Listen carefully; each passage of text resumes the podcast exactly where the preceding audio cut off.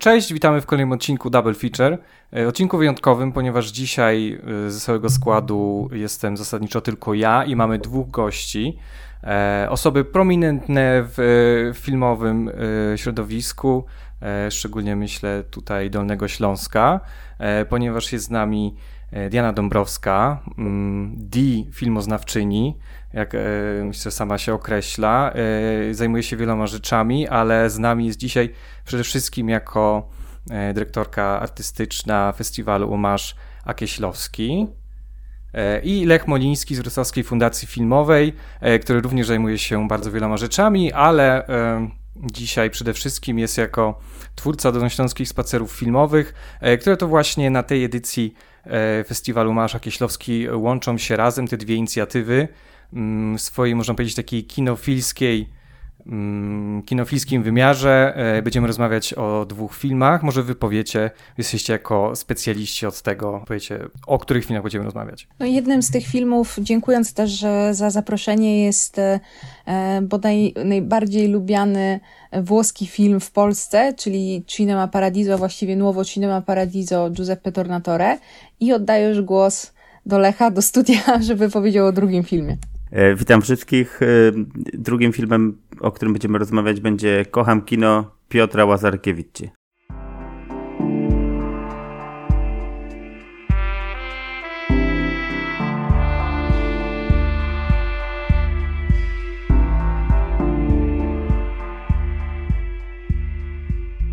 No dobrze, naszym, naszym tematem jest e, kinofilia, ale też w takim wymiarze, można powiedzieć, mocno metatematycznym.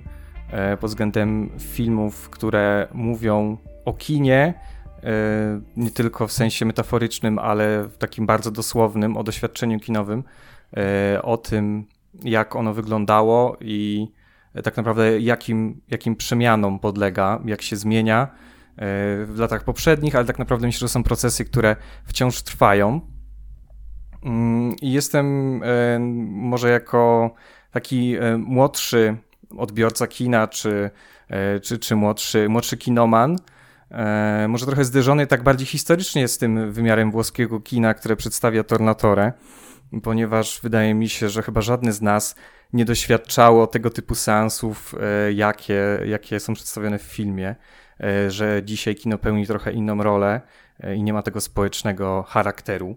Mm, czy dziś to jest na tyle czytelne, czy może jest swego rodzaju jakąś nostalgią za czymś E, co już, e, co już nie istnieje albo czego nawet nie znamy. E, wiesz co, mam wrażenie, że może to kwestia rzeczywiście rocznikowa, ale ja się jeszcze załapałam na kilka takich seansów i to jeszcze na południu Włoch, gdzie się urodziłam, z filmami, które były dzielone z przerwą i to takie wybieganie, rozmawianie. Mm, wtedy domyślałam się, e, co może być w tej drugiej części. Z reguły oglądam jakieś filmy dla, dla dzieci i nastolatków, bo do 11 roku życia mieszkałam tam we Włoszech, ale potem myślę, że festiwale tak naprawdę przejęły taką rolę, że takich miałam kilka seansów swojego Cinema Paradiso e, symbolicznych, tak, że tutaj możemy wymienić inne filmy.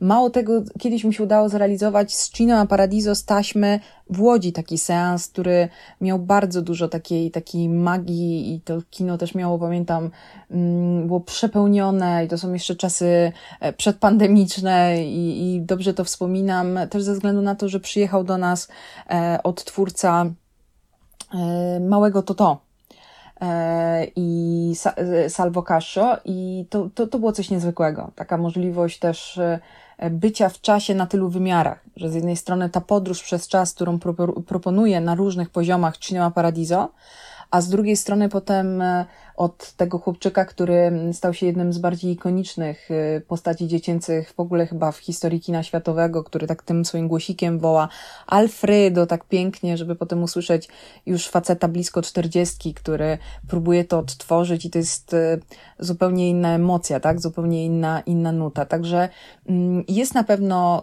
tęsknota jakieś takie marzenie za pewnymi obrazami seansów kinowych w kinie. To na pewno. Wydaje mi się, że to jest w ogóle fajny temat, bardzo ciekawy na jakiś artykuł czy rozmowę. Super, że to, to, to robimy. My się dzisiaj skupiamy tutaj na dwóch filmach, ale e, wydaje mi się, że to jest taki szerszy temat. Jak, jak to widzenie siebie na sali kinowej, jakie aktywności, bardzo często nijak nie związane z oglądaniem filmu, tylko z różnymi innymi rzeczami Mm, przypomina mi się tutaj chociażby, nie wiem, Szalony Piotruś e, Godarda. Jakby jest coś takiego, że wydaje mi się, że lubimy patrzeć na siebie w kinie, a potem być po tej drugiej stronie imersji, ale to, to taka uwaga gdzieś tam poboczna. E, co do Cinema Paradiso i też drugiego filmu, o którym będziemy mówić, a teraz się siłą rzeczy skupię na, na Cinema Paradiso, to wydaje mi się, że bardzo ważny jest ten moment, kiedy ten film mm, wychodzi do świata i jakiego świata, jakiej Europy szczególnie. Że jest to taki moment pod koniec lat 80., kiedy jest bardzo dużo różnych przełomów e, i też mówimy jednak o minionym stuleciu, którego kształt estetyczny, filozoficzny, taki wręcz epistemologiczny wyznaczyło w dużej mierze kino. Tak? Mówi się, że teraz jakby jesteśmy w innym gdzieś tam stuleciu i to nie jest, e, to jakby to kino i XX wiek to jest, mm, to jest zespolenie tak silne i tak rządzące zmysłami, że e, ten moment, kiedy ewidentnie widać już pod koniec lat 80., jakby dokąd zmierza telewizja, jak to wygląda z um, jakąś taką próbą komercjalizacji też takich małych seansów na zasadzie VHS-ów i jak też jest e, ta sala kinowa gdzieś tam e, już wtedy na straconej niby pozycji.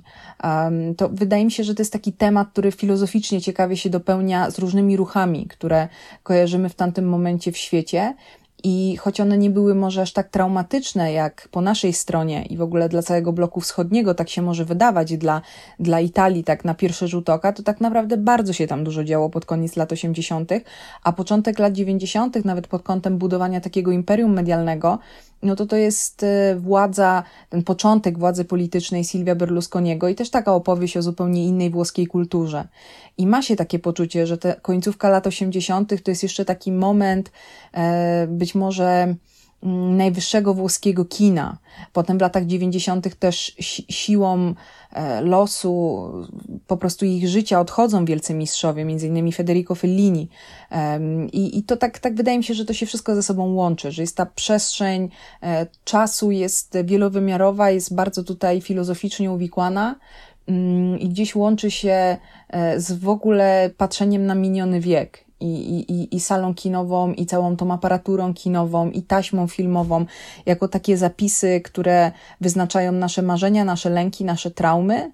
E, mało tego, jakby to bez tego światła jakby nie ma naszej historii, tak, które przepływa przez taśmę filmową i jest projektowane. To tak myślę, że na start garść takich refleksji ode mnie.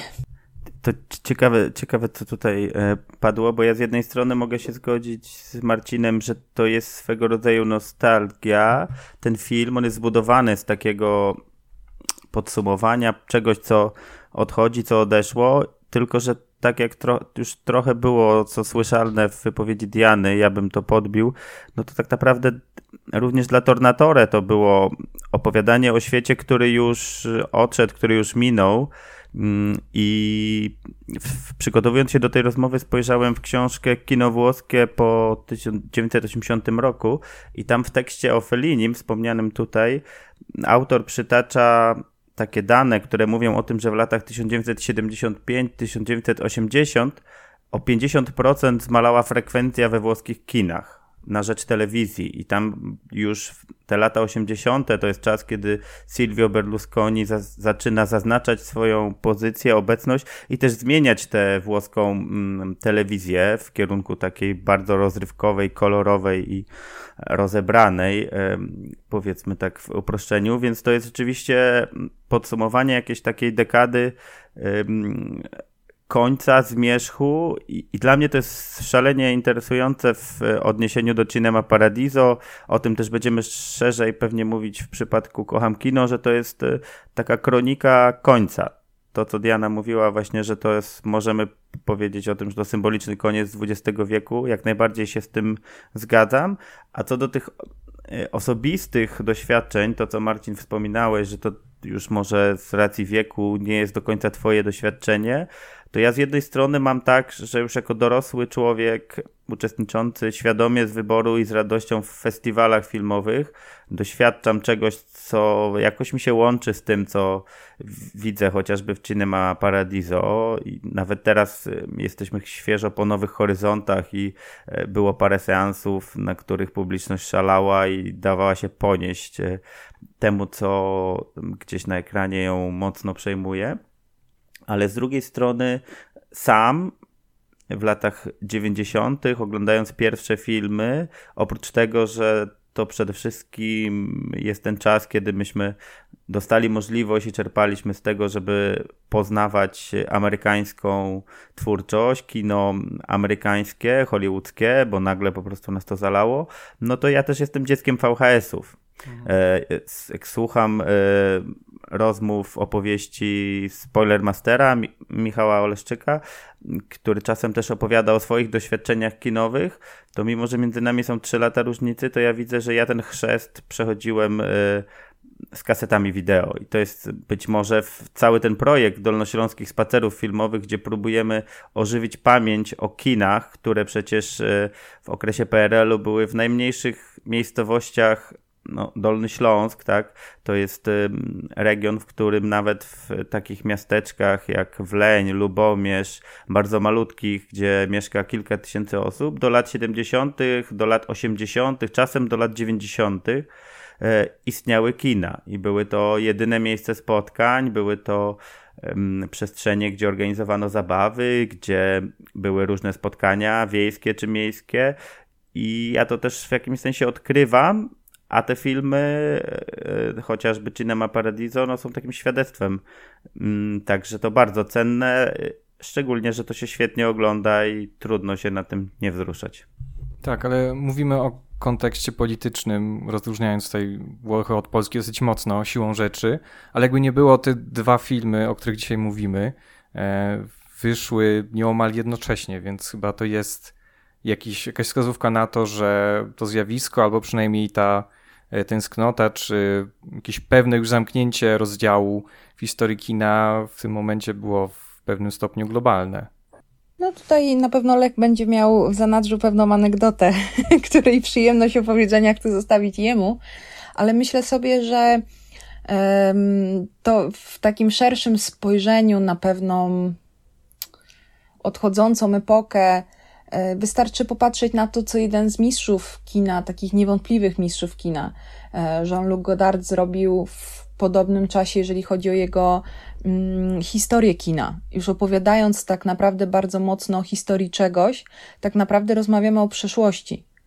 Historia czegoś, co minęło, co już miało ten swój taki największy moment zwyżkowy, można powiedzieć. I teraz, kiedy mówimy o tych filmach, one są tożsame w tym momencie produkcji niemalże.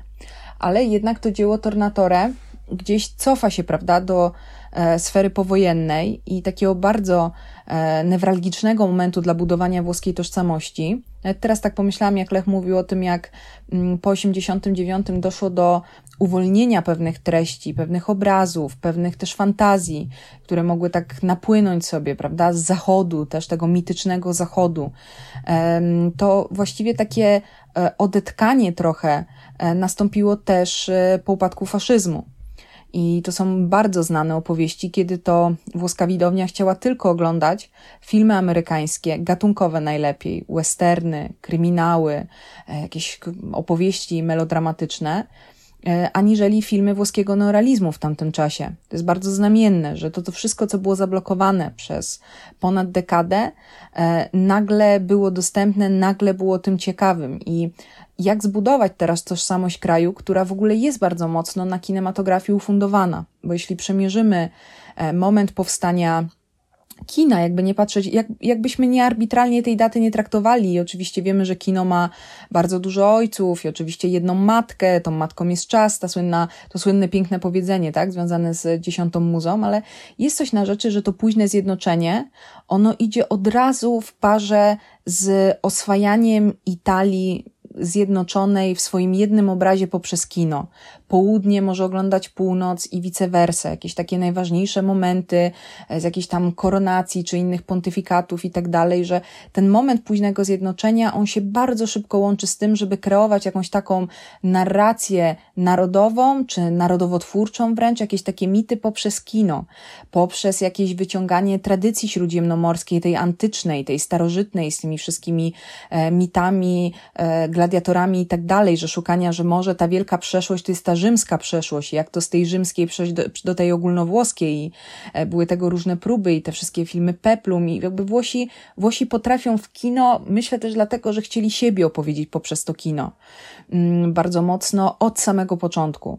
No i teraz jak jesteśmy w Cinema Paradiso i też jesteśmy e, w takim newralgicznym momencie, ja uwielbiam takie w Cinema Paradiso może mniej takie kultowe sceny e, z punktu widzenia obecności postaci tych głównych, tak? Jak na przykład ten mały Toto z Alfredo i to jego uczenie się całej aparatury kina, oglądanie tych scenek wyciętych przez um, księdza na początku, tak? Na, na, na parafii.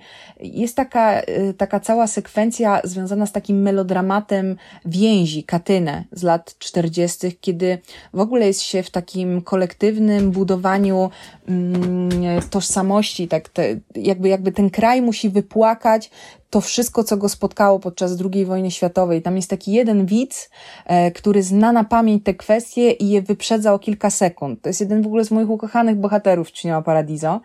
I mam takie poczucie, jak kino mogło naprawdę przysłużyć się w pewnym momencie, kiedy patrzymy na żywotność pewnych gatunków, zmetabolizowaniu pewnych potrzeb dosłownie na takim komórkowym poziomie, że trzeba było pewne rzeczy wypłakać. Stąd po prostu po II wojnie światowej te tak zwane strappalacrime, czyli te wyciskacze łez, na potęgę po prostu w tych włoskich kina i ten, ten reżyser zresztą akurat tego filmu był takim ikonicznym po prostu. Mm, e, I, po prostu myślę nawet o takich połączeniach, że to, to jest ciekawe, że e, to kino jakby nie tylko służy temu, żeby jakoś te myśli zbudować, ale dosłownie czasami, żeby wyczyścić trochę siebie. E, I, i to też jest taki temat, który tutaj pewnie dotkniemy tylko śladowo, ale um, warto zwrócić uwagę na to, że z punktu widzenia ideologii faszystowskiej bycie Włochem było utożsamiane z byciem po stronie Mussoliniego i reżimu, czyli byciem faszystą. I teraz jesteś z nami albo jesteś przeciwko nam, znana dialektyka. No i teraz w momencie e, tego przełamania wojennego, kiedy też doszło do całej akcji z aliantami, kiedy też e, Włosi zaczęli jednak tworzyć jakiś taki ruch wewnętrzny na zasadzie ruchu oporu, tak, to jest ta włoska rezystencja, jakby buduje się też jakby takie inne poczucie, że nie każdy był po tamtej stronie, ale przecież to są sprawy, które mm, no, w procesie się rozwijają. To nie, to jakby, to mówimy o kraju w sumie osieroconym, które z dnia na dzień trochę straciło tego swojego symbolicznego ojca, I teraz jak przeskoczyć z dnia na dzień i nagle być po tej drugiej stronie, nawet budując sobie i pielęgnując taki piękny mit, jakim był e, mit ruchu oporu, no chociażby tutaj Rzym Miasto Otwarte Rosselliniego miało mieć taką funkcję i oczywiście też spełniło do pewnego stopnia. Ale zwróćcie uwagę, w ilu opowieściach włoskich tego, tego nawet okresu tuż po II wojnie światowej i też myślę sobie, że to nie jest przypadek, że to to w naszym filmie nie ma ojca i ta nieobecność tych ojców, te problematyczne relacje rodzinne, ci ojcowie przyszywani, którzy stają się tutaj nawet ważniejsi. No myślę o tej całej relacji jak z brzdąca Czeplina Alfreda z, z naszym e, Toto, e, ale jest coś na rzeczy. I tu myślę też, że to nas będzie ładnie prowadziło do tego filmu polskiego, bo tam też ta kwestia tych, tych rodziców, tych winy rodziców, jakiejś takiej przeszłości, która nie została do końca wyjaśniona, nie została do końca rozliczona i, i po prostu nie zawsze da radę schować wszystko pod dywan i po prostu się szybko po tym przejść, tak, że jednego dnia byliśmy tacy, a tutaj już wraz z 45 pum, wszystko się zmienia, no wiadomo, że tak nie jest. Daty wyglądają dobrze na podręcznikach historia, to jest tak złożony proces, to jest, to jest e, coś, co mam wrażenie, że Włosi jeszcze długo, długo, długo, po, może w latach 70., gdzie się zderzyli tak naprawdę z tą refleksją e, powojenną tak na poważnie, kiedy też w kraju nastąpiło załamanie. E, ale myślę o, o, o takich uwagach. Ja mam w ogóle tak, że jak tak słucham tego, o czym, o czym e, mówisz, o czym rozmawiamy, to cały czas rzeczywiście też mnie już w tym momencie prowadzi, żeby gdzieś e, odnieść się w polskim kontekście, czy przywołać to e, Kocham Kino, bo tutaj mhm. bardzo dużo mi się też pojawia takich rzeczy, o których nie do końca wcześniej myślałem, ale jak ty wypowiadasz te wątki związane z ideologią faszystowską i tą funkcją kina mm, w tamtej ideologii, no to sobie myślę, że tak naprawdę ta narracja o tym, tak, to takie już wyświechtane, ale że kino jest najważniejszą e, ze sztuk, bo to przecież odmieniano przez wszystkie e, przypadki w połowie pierwszej połowie XX wieku, no to tak naprawdę prowadzi nas, przenosi od razu do, do PRL-u i ta myśl o tym, że w małych miejscowościach y, ludzie muszą mieć też dostęp do kina, ona z jednej strony służyła temu, żeby budować wspólnoty, często w naszym tutaj y, kontekście tej ściany zachodniej, ziem zachodnich, to temu, żeby ludzi, którzy z różnych stron naszego kraju przyjechali do nowego miejsca, żeby jakoś zjednoczyć i scalić, ale też y, chodziło o funkcję propagandową, bo przecież y, informacje tak naprawdę rozchodziły się. To widzimy w filmie Kocham Kino, e, kiedy główna bohaterka grana przez Elżbietę Czyżewską y, odnajduje swojego e, syna w, oglądając kronikę filmową i to jest, e, to jest jeszcze rok 80, e, 86, bo akcja filmu ta właściwa jest umieszczona w tym momencie, więc to rzeczywiście jest dużo takich, takich wątków, które nam się tutaj przenikają. A ja bym jeszcze dorzucił a propos takiego żegnania się z minionym światem, film, wywiad Federica Felliniego. Myślę, że tego Felliniego, jeśli rozmawiamy o Tornatore, to jak najbardziej jest zasadne, żeby go przywoływać, bo tam mamy też takie pożegnanie z Cinecittà, tak, z do, domem, drugim domem, a może pierwszym domem e, Felliniego, studiem, którym pracował, kręcił filmy, ale spędzał też mnóstwo e, czasu i w tym takim udającym dokument filmie on jako reżyser e, pokazuje, że tam były, mm, e, to chyba japońska e, wycieczka, pokazuje, że tam były studia Cinecittà, a teraz rosną bloki. To jest też druga połowa lat 80., czyli rzeczywiście filmowcom udało się zarejestrować, chociażby w tych przypadkach, koniec Mm, pewnej epoki. No i tak jak mówiliśmy wcześniej, Diana mówiła, no to też się nakłada na koniec pewnej epoki w takim politycznym, geopolitycznym e, sensie i to jest w jakimś e, w jakimś, jakiejś kwestii no, niesamowite, że, że, że takimi też filmami jest czy, czy Wywiad Feliniego, czy Cinema Paradiso, e, czy Kocham Kino Piotra Łazarkiewicza. Tak, tutaj myślę, że też e, film, który wiem, że znasz i też e, wiem, że lubisz, mam nadzieję, że tutaj nie, nie, nie, nie zrobię jakiegoś takiego wykroku, ale film Splendor.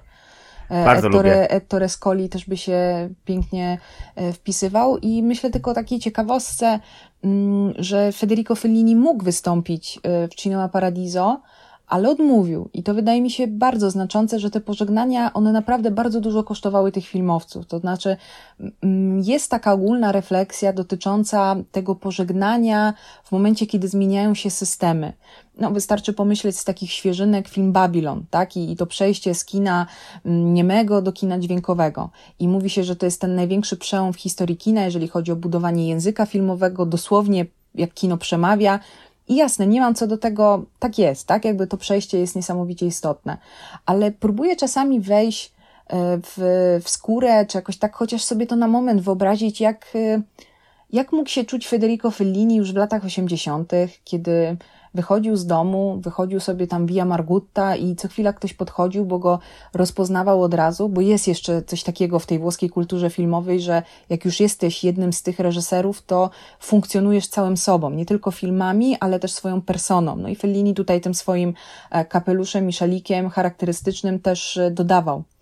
E, nie tylko animuszu, ale takiej rozpoznawalności, ale każdy wie jak, jak Federico, ciao Federico i od razu taka bezpośredniość. I, i ten człowiek, który słyszał a Dolce Vita, a tam 8,5, a Markort i tak dalej, i tak dalej w pewnym momencie, no okej, okay, ale Ginger i Fred na przykład, ale wywiad, tak, i, i te, takie filmy tego okresu późniejszego, już po śmierci też Pasoliniego, kiedy Federico Fellini stał się um, bardziej polityczny jako twórca, co też jest e, ciekawe, bo to jest taka kwestia niejednoznaczna w jego twórczości, i tak próbuję sobie, sobie wyobrazić właśnie, jak on dostaje taką niby świetną propozycję, że słuchaj, yy, maestro, wystąpisz tutaj, reżyser, którego gra Jacques Perrin, czyli ten najstarszy już jakby w tej naszej yy, reprezentacji to to, będzie wchodził yy, na salę projekcyjną i on ci poda yy, taką puszkę i tam będzie taśma i to będziesz ty tym puszczaczem tych obrazów, że tak sobie pozwolę niepoprawnie powiedzieć, ale to będzie takie znaczące i takie symboliczne.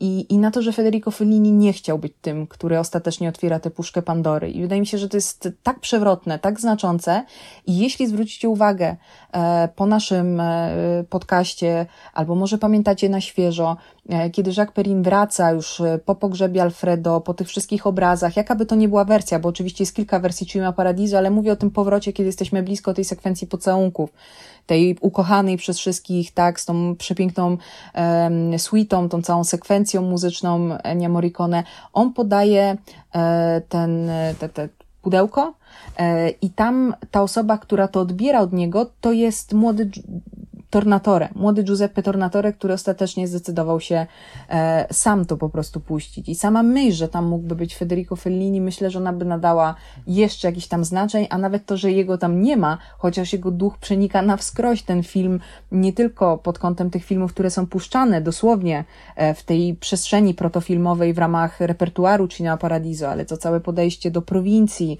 w ogóle ten wyjazd, który jest jak z Wałkoni, e, tego naszego Toto mm, i można by długo naprawdę wyliczać. E, I, I to tak pomyślałam o takiej ciekawostce z Fellinim, bo o nim była mowa.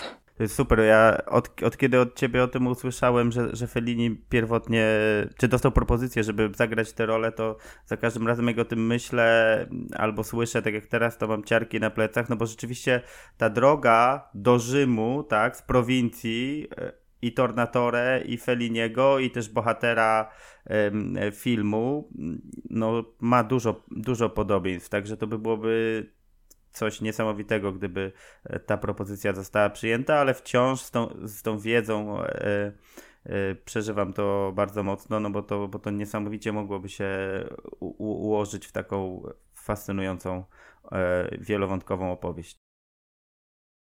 Tak, że skoro i tak już y, zmiksowaliśmy dwa filmy, to właśnie tu Lechoń zwrócił uwagę, żeby przedstawić Kocham Kino, no bo to mało kto widział. Nie na filmowie chyba tylko ty y, ocenę miałeś przy tym ze znajomych. No na, na pewno jest dysproporcja, jeśli chodzi o taką światową rozpoznawalność. Kocham kino Łazarkiewicza i Cinema Paradiso Giuseppe Tornatore.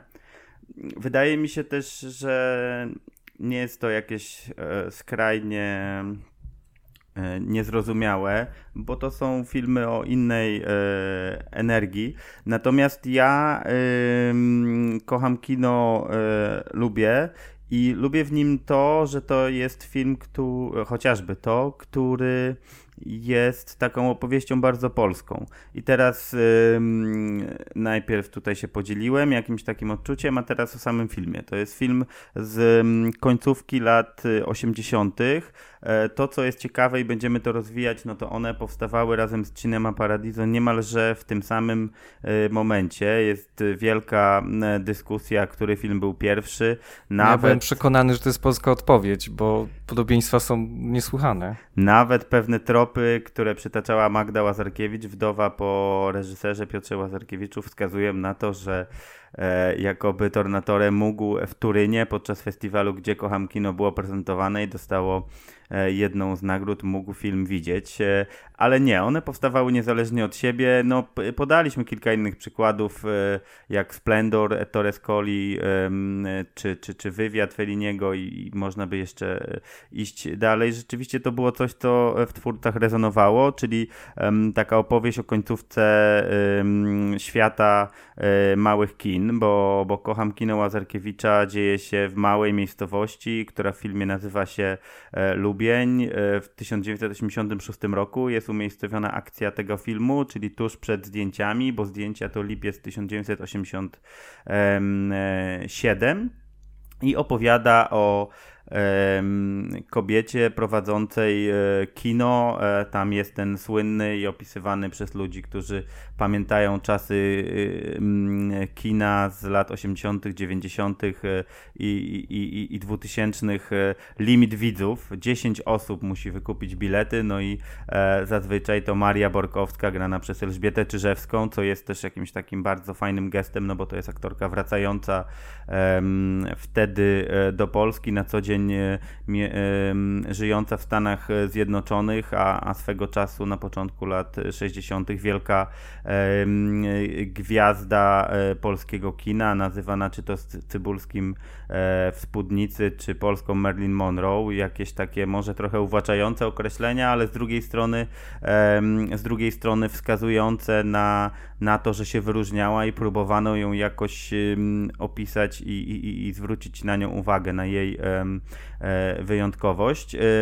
Więc Czyżewska gra mm, tą kierowniczkę kina w małej miejscowości, nikt już do tego kina e, nie chodzi. E, kino nazywa się Jutrzenka i ona w, oglądając kronikę filmową trafia na ślad y, swojego syna, który wychowuje się mm, z ojcem, no i y, postanawia go spotkać, zaraża go e, miłością e, do kina. W tle y, tego wszystkiego mm, e, mamy też powrót do lat 60., dokładnie do roku 1964, kiedy Maria Borkowska wystąpiła w, w filmie Ręce pianisty, w filmie, którym i tutaj zaczynamy zabawę w porównania, w którym reżysera gra w takim spektakularnym, pięknym e, futrze i to widzimy też w kronice filmowej z tej połowy lat 60. To był film, który był kręcony w tym właśnie miasteczku w Lubieniu.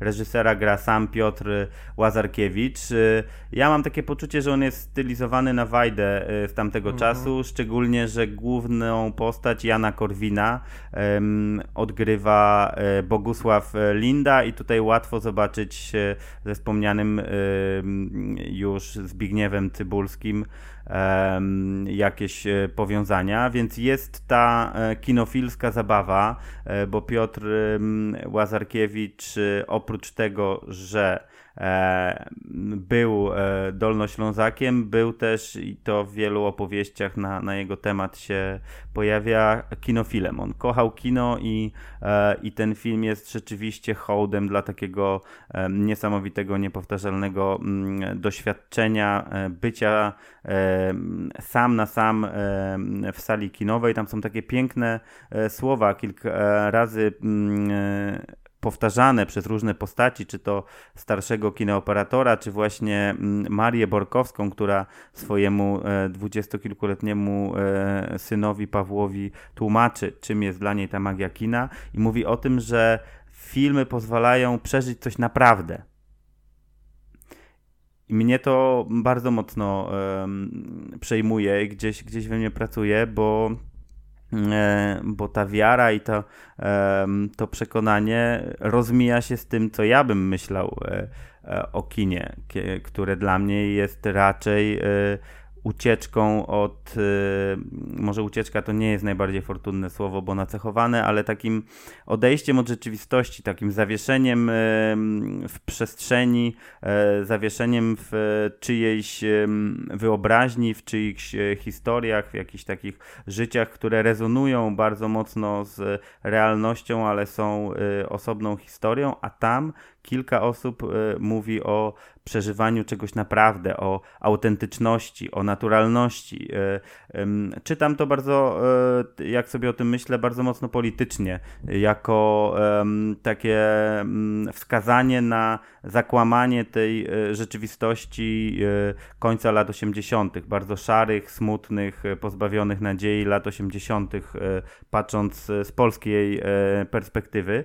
No i to jest niesamowite też w, w tym filmie, że on e, fenomenalnie łapie coś, co mnie też, e, kiedy jeżdżę po, po Dolnym Śląsku, nie tylko, no ale naj, najczęściej to, to wybieram ten kierunek, e, przejmuję bardzo mocno, czyli pokazuje, jak zorganizowana była um, prowincja w okresie PRL-u i że pod koniec lat 80. to, że wiele takich podstawowych e, potrzeb i nie tylko podstawowych, bo e, przecież potrzeba doświadczenia, przeżyć kinowych nie jest nam niezbędna do życia, a może jednak właśnie czasem bywa, e, żeby to życie było, było pełniejsze, prawdziwsze, tak, jak, jak mówią w filmie, że te, mm, że te mm, różnego rodzaju potrzeby były e, gwarantowane e, w małych e, miejscowościach i no dziś tak nie jest. Dziś ta, ta, ta prowincja straciła wiele takich swoich miejskich funkcji. No i tutaj Łazarkiewicz niesamowicie uchwycił taki wyjątkowy też moment w dziejach polskiej prowincji. Wydaje mi się, że nie gra mm, na korzyść kocham kino fakt, że mm, dekadę później, plus minus, takim polskim Cinema Paradiso został okrzyknięty film Jana Jakuba Kolskiego Historia kina w Popielawach. Też myślę, że o wiele więcej wspólnego mają ze sobą jednak te filmy Kocham Kino i Cinema Paradiso, tylko trzeba wykonać ten wysiłek, żeby je zobaczyć, żeby na przykład wysłuchać tę rozmowę, poczytać artykuły mm, Lecha na ten temat. E, ale jest tak, to nawet rozmawiałam z Janem Jakubem Kolskim, że to też jakby fenomen jego kina w latach 90. i, i to jak e, też na zachodzie się sprawdziła ta opowieść magiczna, taka gdzieś tam o tych i czuła małych ojczyznach, to jeszcze we Włoszech w ogóle rezonowało, e, bo oni mają przecież to swoje kampanilizmo, to właśnie bardzo mocne przywiązanie do, do swojej ziemi, aniżeli do całego kraju rozumianego jako pewien taki blok ideowy, jakiś taki, mm, taką strukturę, która często E, nie do końca jest w stanie e, pokryć się z tym kapitałem społecznym danego miasteczka, danego regionu e, czy danej części Włoch. Tutaj to południe i północ zawsze wchodzi w taką kontrastową relację, e, ale myślę, że to nie, nie pomogło, tak, żeby Kocham Kino wróciło do e, i że teraz ta praca, którą, e, którą szczególnie Lech wykonuje nieustannie, żeby, żeby też jakoś tak uczulać na ten film, bo mam nadzieję, że, bo taką nadzieję mam, że Państwa to zainteresuje, ale mam też taką, takie przekonanie, że fakt, że przez długie lata Grażyna Turbicka miała też taki program Kocham Kino, to też jakby tak silnie się związało w tożsamości kinomanów i kinomanek i osób oglądających, że e, ja też musiałam odkryć, że jest inne kocham kino niż to kocham kino wieczorne e, w innych czasach, innej telewizji, więc to chciałam tylko dopowiedzieć. Jest jeszcze antologia filmowa e, robiona przez wielu reżyserów, jeśli pamiętam, na festiwal w Cannes, która też się tak nazywa, więc rzeczywiście jest spory ruch pod tym tytułem. No nie jest to tytuł, który najbardziej zaskakuje. E, to, co chciałem powiedzieć pół żartem, pół serio, że e, Diana musiała odkryć e, film Kocham Kino Łazarkiewicza kręcony jakieś kilkadziesiąt kilometrów od twojej polskiej małej ojczyzny, więc to też jest jakiś taki wątek z boku trochę zabawny, a trochę interesujący. A co do Kolskiego, no to historia kina w Popielowach jest zbudowana z magii i z, i z takiego e, właśnie nostalgicznego mm, podejścia do początków kina i myślę, że to ją łączy z Cinema Paradiso, a film Łazarkiewicza no jest dużo mniej magiczny. To jest film smutny. E, to jest film, który nie wiem, czy zostawia wiele nadziei, nadziei. Raczej w nim jest takie przekonanie, że to kino e, takie, jakie znamy, odchodzi i coś się kończy. Nie wiadomo, co będzie dalej. Tak, w przeciwieństwie do Cinema Paradiso, które mimo no, podobnego losu e, ośrodka kinowego ma jednak nieco bardziej pozytywny wydźwięk. E, znaczy, ja teraz jestem na, na, poziomie takich skojarzeń w sumie, że chyba te dzieci też tak zadziałały, te dzieci, które są u Kolskiego, jakby ten brak, że jednak tutaj zaczynamy od tego obrazu bodaj najsmutniejszego, czyli e, pustego, przyciekającego kina, na tak pusta sala, jeden człowiek, e, a jednak tutaj traktujemy to bardzo mocno w tej relacyjności, które kino może powodować, więc nawet gdyby robić taki esej wizualny, to wydaje mi się, że te e, grupowe scenki, e, pewne takiego swojego kolorytu z tego kina, w którym właśnie się żyje, e, karmi się dzieci, nie wiem, gdzieś tam zdobywa się jakieś takie pierwsze emocje, nawet czasami zakazane, takie dojrzewanie, też taka nie tylko edukacja sentymentalna, ale też erotyczna, bo u, w obydwu filmach ten wątek erotyczny jest i ten wątek miłosny w ogóle też jest, ale jest coś takiego, że wraz z tą nostalgią, tymi koronkami, tą taśmą idzie też taki silny, zmysłowy bardzo aspekt, ale jak zestawimy te, te sceny właśnie z tą e, no, jedną z twarzy kina polskiego, która jest sama na tej sali, no to to już tutaj mamy bardzo znaczący obraz. Gdybym robiła taki esej wizualny, to to by było jedno z takich bardziej, e, wydaje mi się, do, do podkreślenia e, takich, takich zestawień. A sam Kolski tak naprawdę e, czerpie, czerpie trochę z Włochów. No tam są na przykład w historii kina w Popielawach jeden do jeden sceny, które przypominają we władzy ojca braci Tawiani, więc mm, to, to jest taka ironia losu trochę. Mam wrażenie, że po prostu jakoś tak ta nostalgia, kino i dziecko też, też dużo robi robotę. A tutaj jednak to dziecko jest trochę inne i to dziecko jest w takiej innym momencie swojego życia bardzo znaczącym i to, to jego poszukiwanie siebie i tych korzeni filmowych i korzeni życiowych. Tutaj um, wydaje mi się, że to jest ciekawe, że, że Łazarkiewicz też e, dotknął takiej, takiej cechy, to jest niby też Cinema Paradiso, e, Paradiso, ale to lepiej czuć jakby w tym polskim filmie, że my opowiadamy nasze wspomnienia w takiej narracji filmowej. I o tym są całe badania, że już pewne rzeczy my opowiadamy z filmów. Tak? To jest to słynna opowieść o e, wspomnieniach z powstania, kiedy to e, wśród wspomnień własnych pojawiały się wspomnienia z filmu Andrzeja Wajdy. I to, to tak jest, że my tak mocno zakotwiczyliśmy się w tym medium. To pokolenie jeszcze przed nami, pokolenie może naszych dziadków i rodziców, że jest ta filmowość tego, i filmowość i pamięć idą po prostu ramię w ramię. Że to też ma w sobie taką bardzo ciekawą relację.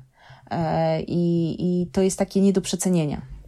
Ja jeszcze krót, krótkie uzupełnienie do tego, czym tutaj teraz mówimy a propos tych scen zbiorowych w Cinema Paradiso i tego, że, że one, mm, te sceny w kinie, gdzie widzimy dzieci, całe społeczności, które, znaczy całą społeczność, która mm, ogląda filmy i to się dzieje przez dekadę i on rzeczywiście przeprowadza nas przez to, jakie filmy były ważne, co się oglądało, jak się oglądało. Dla mnie też jest pamiętny taki fragment trochę dydaktyczny, ale tak naprawdę potrzebny i jeśli się tego nie wie, to, to może być to interesujący wątek, jak tam dwóch mężczyzn y, rozmawia, bo jest y, mm, fragment, gdzie trzeba czyt czytać y, i tylko w ten sposób można uzyskać informację o tym, co płynie z ekranu.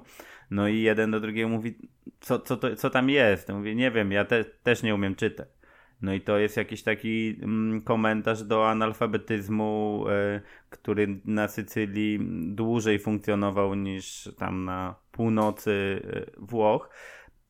Natomiast w Kocham Kino jest oczywiście ta scena, kiedy film Ręce pianisty po 22 latach od premiery zostaje wyciągnięty e, i wyświetlony na dużym ekranie i tam możemy zobaczyć emocje tej społeczności, mm, która też pamięta realizację tego filmu, szczególnie te osoby starsze. Natomiast sporo tych takich kinofilskich elementów rozgrywa się w mniej spektakularnych e, scenach. E, mam tu na myśli to, że mamy plakaty e, w w, przy kasie i przy wejściu do, do kina, to są plakaty, co ciekawe, z polskich filmów, czy Palec Boży, czy Prognoza Pogody, to e, filmy Antoniego Krauzego, z którym współpracował Łazarkiewicz. I tam e, mamy taką opowieść o historii polskiego kina, no ale plakaty, chociaż piękne, spektakularne, tam też jest Nikt nie woła, Kazimierza Kuca, nie działają na naszą wyobraźnię tak mocno jak taki ożywiony obraz dzieci palących papierosy w sali, więc to jest i śmieszne i, i, i jakoś uruchamiające nostalgię. Więc myślę, że film Kocham Kino też przez te wybory nie niesie z sobą takich samych e, emocji jak e, dzieło Tornatorek, które bardzo mocno pracuje z takimi najprostszymi naszymi odczuciami. Tak, to, to, to myślę warto dodać. A nie myślałeś o zestawieniu kiedyś też kocham kino e, z takim filmem późniejszym Tornatore Sprzedawca Marzeń? Ten włoski tytuł to jest L'uomo delle stelle, tam jest Sergio Castellito jako ten Joe Morelli, który jest takim, no kantuje ludzi, że niby kręci różnego rodzaju castingi, tam właśnie też oczywiście na Sycylii.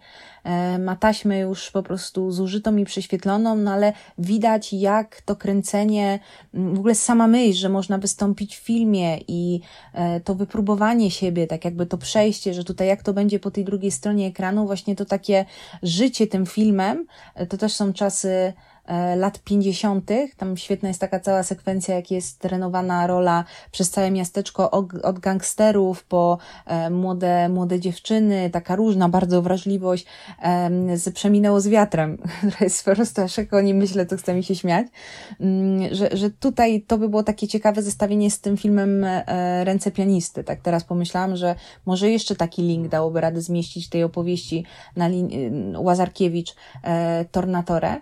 E, ale... Może drugi odcinek o filmach, Ta... które nie istnieją Nie, ale on jest taki bardziej, bardziej odległy, to znaczy no, no, no, nie jest to aż tak bezpośredni jak Przyczyna Paradiso, ale z tych filmów metafilmowych, um, jakkolwiek to teraz e, dziwnie nie zabrzmiało, to te, te, te dwa filmy też ciekawie ze sobą rozmawiają. Właśnie ten Sprzedawca Marzeń z połowy lat 90. i, i Cinema Paradiso, bo mam takie poczucie, że mm, tak jak tutaj jednak w tej ostatniej sekwencji w Cinema Paradiso, e, no ten brakujący element tożsamości, gdzieś tam e, ten, ten jeden puzzle wchodzi w tą całą układankę i uzupełnia po prostu życie tego, e, tego naszego bohatera, który widzieliśmy na wskroś po prostu introspekcyjnie e, i też w tych retrospekcjach.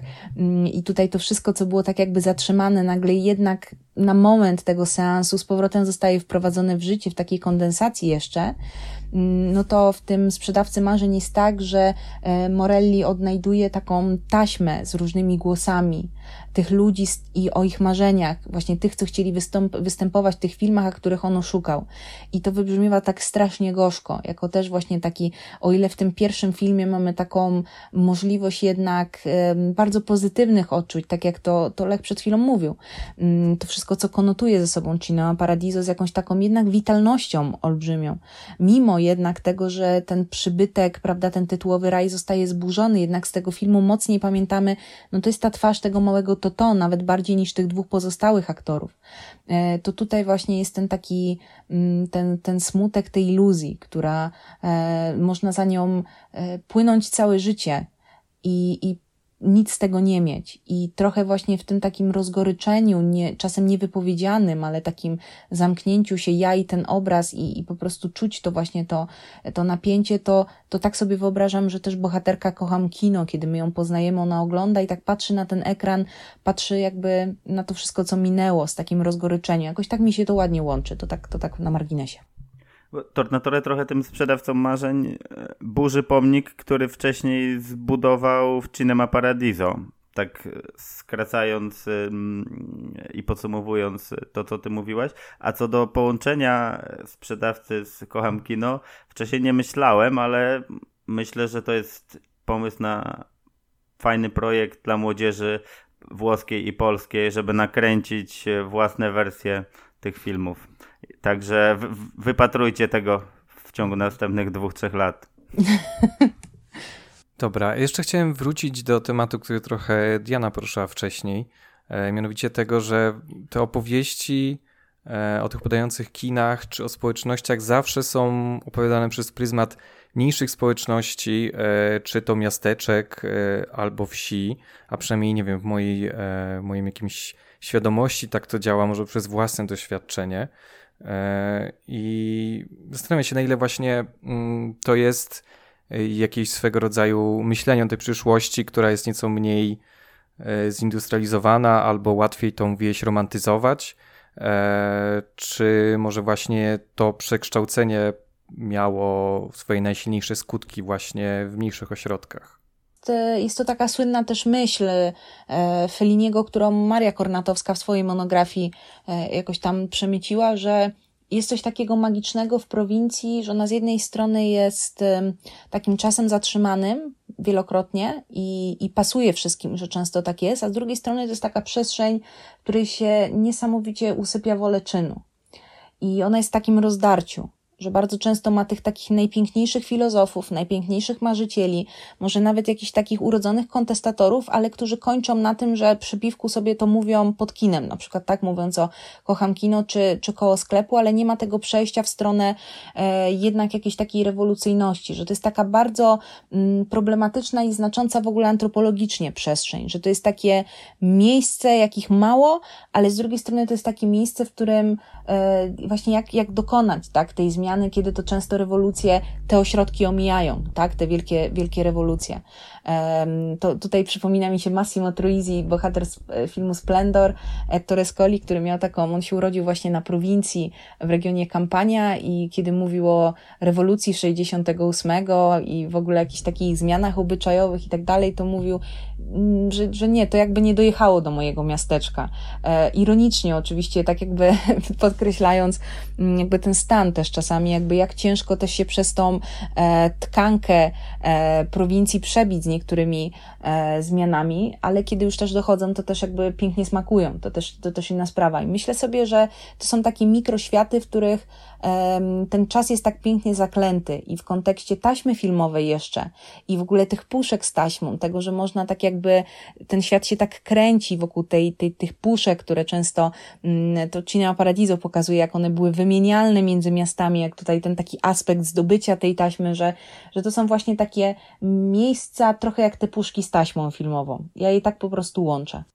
Ja bym poszedł tutaj w, z jednej strony w, w, kontekst osobisty, w przypadku Tornatore i Łazarkiewicza, także Feliniego, który zamienił niedużą przecież miejscowość e, Rimini na Rzym, bo to, to są jednak takie bardzo mm, ich własne e, doświadczenia. E, Łazarkiewicz wychowywał się E, w Cieplicach Śląskich, w, w Rozdrożu Izerskim i tak naprawdę mm, to dzieciństwo na prowincji było jego doświadczeniem. Giuseppe Tornatore przecież to jest Bagheria, nieduże miasteczko sycylijskie niedaleko mm, e, Palermo, mm, z którego chyba Guttuso, malarz, y, też y, mm, się wywodzi, ma tam swoje muzeum. Y, odwiedzając to muzeum możemy trafić też na zdjęcia mm, Tornatore, które on będąc reporterem lokalnych mediów wykonywał. I to jest bardzo często to są zdjęcia, które pokazują takie odchodzące rytuały, czy odchodzącą ym, pr prowincję. Ja jeśli chodzi o Cinema Paradiso, to mm, przez pewien czas, będąc jeszcze młodą osobą, nie, mm, zanim zacząłem jeździć do Włoch, zastanawiałem się, na czym polega, o co w ogóle chodzi z, e, z tą sceną, gdzie rozsmarowują e, pomidory. Jakoś mi się to kojarzyło z, z malarstwem, bo to w, w pełnym słońcu pomidory są na takim jakby płótnie rozsmarowywane i takie właśnie fotografie wykonane przez Tornatore znajdziemy w tym mm, muzeum Gutuzo e, i scenę taką oczywiście znajdujemy w filmie. To jest autentyczny e, rytuał czy zachowanie, w ogóle praktyka z, mm, przed kilkudziesięciu lat, którą e, Tornatore znał, obserwował i uwiecznił na ekranie czy, czy na swoich autorskich e, fotografiach. Piękne jest w ogóle, że e, dziś w, mm, podczas Paradiso Film Fest, ponieważ Cinema Paradiso jest tak kultowym, magicznym filmem, że w głównym w głównej lokacji w Palazzo Adriano, to jest malutka miejscowość na południe od Palermo, 50 km. Odbywa się Paradiso Film Fest. Od kilku lat, już chyba kilkunastu, działa też Muzeum Cinema Paradiso. E, I jednym z elementów, jest ich bardzo dużo, ale jednym z elementów jest właśnie odtwarzanie mm, tej sceny, dzięki temu przenieść się w przeszłość. Mówię o tej scenie z pomidorami suszonymi na słońcu. E, no i to jest świat, który mm, Tornatore obserwował. Podobnie z, z Łazarkiewiczem to też jest tak, że film jest bardzo mocno osadzony w lokalnym kontekście. Kino, które e, pojawia się w filmie, nazywa się Jutrzenka. E, miejscem zdjęć był Lubomierz, e, czyli miejscowość położona niedaleko Cieplic, niedaleko mm, tej krainy, w której Piotr Łazarkiewicz dorastał. A kino Jutrzenka, mm, czego przed chwilą nie powiedziałem, autentycznie istniało w pobliskim Wleniu. E, I tych tropów jest bardzo dużo, też takich mitografia, taka opowieść o naszej lokalnej e, historii, o tym miejscu, gdzie się wychowywaliśmy. Więc wydaje mi się, że tutaj i dlatego też zasadne jest, e, żeby te oba tytuły połączyć w double feature, bo one się bardzo, bardzo mocno przenikają poprzez biografię reżyserów, poprzez te konteksty um, upamiętniania pewnych e, rzeczy i wracania też do krainy młodości, krainy dzieciństwa. Tak naprawdę te filmy też o tym są, e, żeby wracać, a może, tak jak mówi Alfredo, e, głównemu bohaterowi Cinema Paradiso, wyjechać i nie wraca.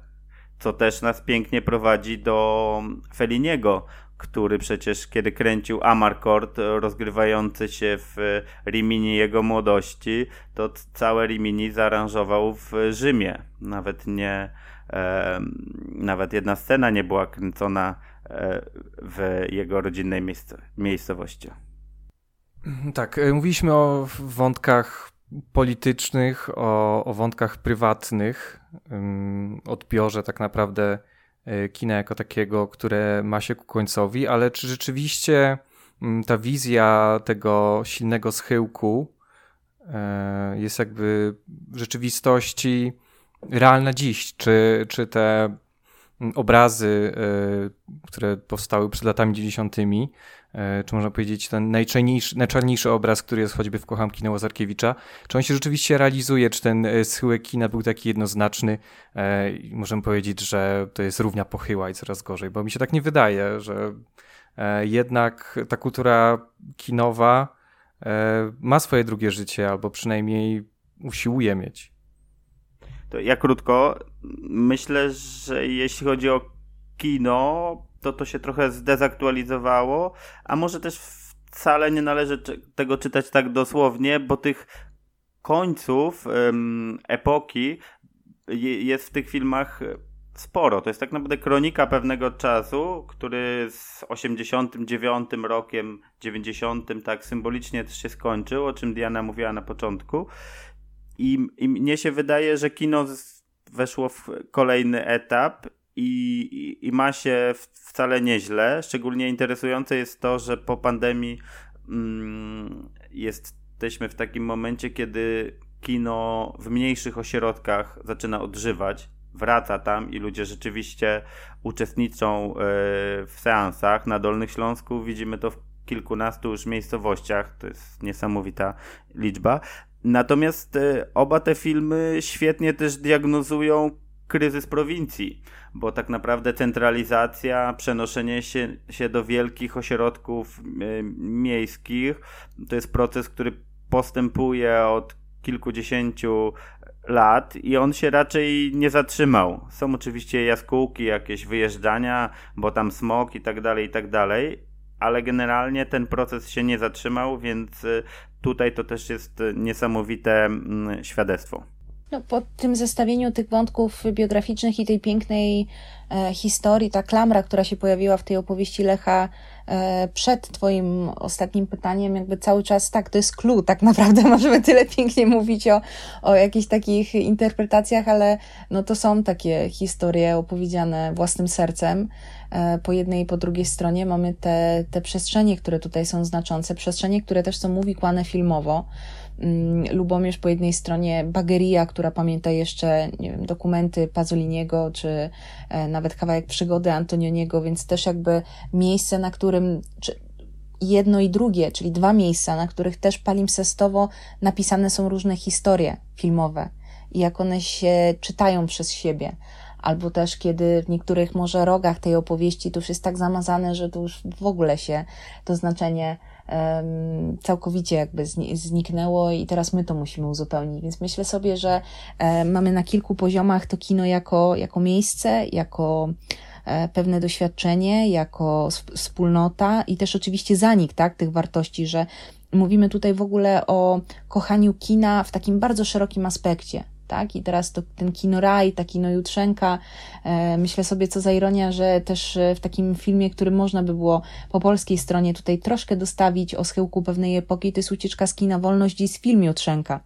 Mm, mhm. Ten słynny film, gdzie jak to w świecie trochę inspirowanym purpurową różą z Kairu Diego Alena, prawda, przechodzimy do tego świata filmowego, że, e, że to jest niesamowite, że ta dyskusja nam się tak otwiera, że tutaj raz, że to, to połączenie, jeszcze myślę, że 10 lat temu nikt by jakoś tak nie bardzo, a teraz jakby okazuje się, że mało tego, że można o nim porozmawiać, to ile szuflad, tak, dookoła pootwieraliśmy i tutaj można się e, w tym bawić i dalej po prostu na tych przestrzeniach kinowych, filmowych, e, metafilmowych pisać i, i może to jest ta też magia kina, która nam zostaje. To nie jest tylko to wspomnienie nostalgiczne, e, bardzo takie zmysłowe o, o taśmie, o tych plakatach, o tych wszystkich paratekstach, ale też potem ta zabawa gdzieś intelektualna, która jest ponad jakby i, i jest w stanie jakby e, też być ponad tymi zmianami nośników, zmianami, e, jakoś tak wydaje mi się, że, że to też jest ta nowa magia kina. To, że my możemy sobie to tak składać, jak takie origami i sobie wyciągać i się tym bawić, jeśli tylko mamy ochotę.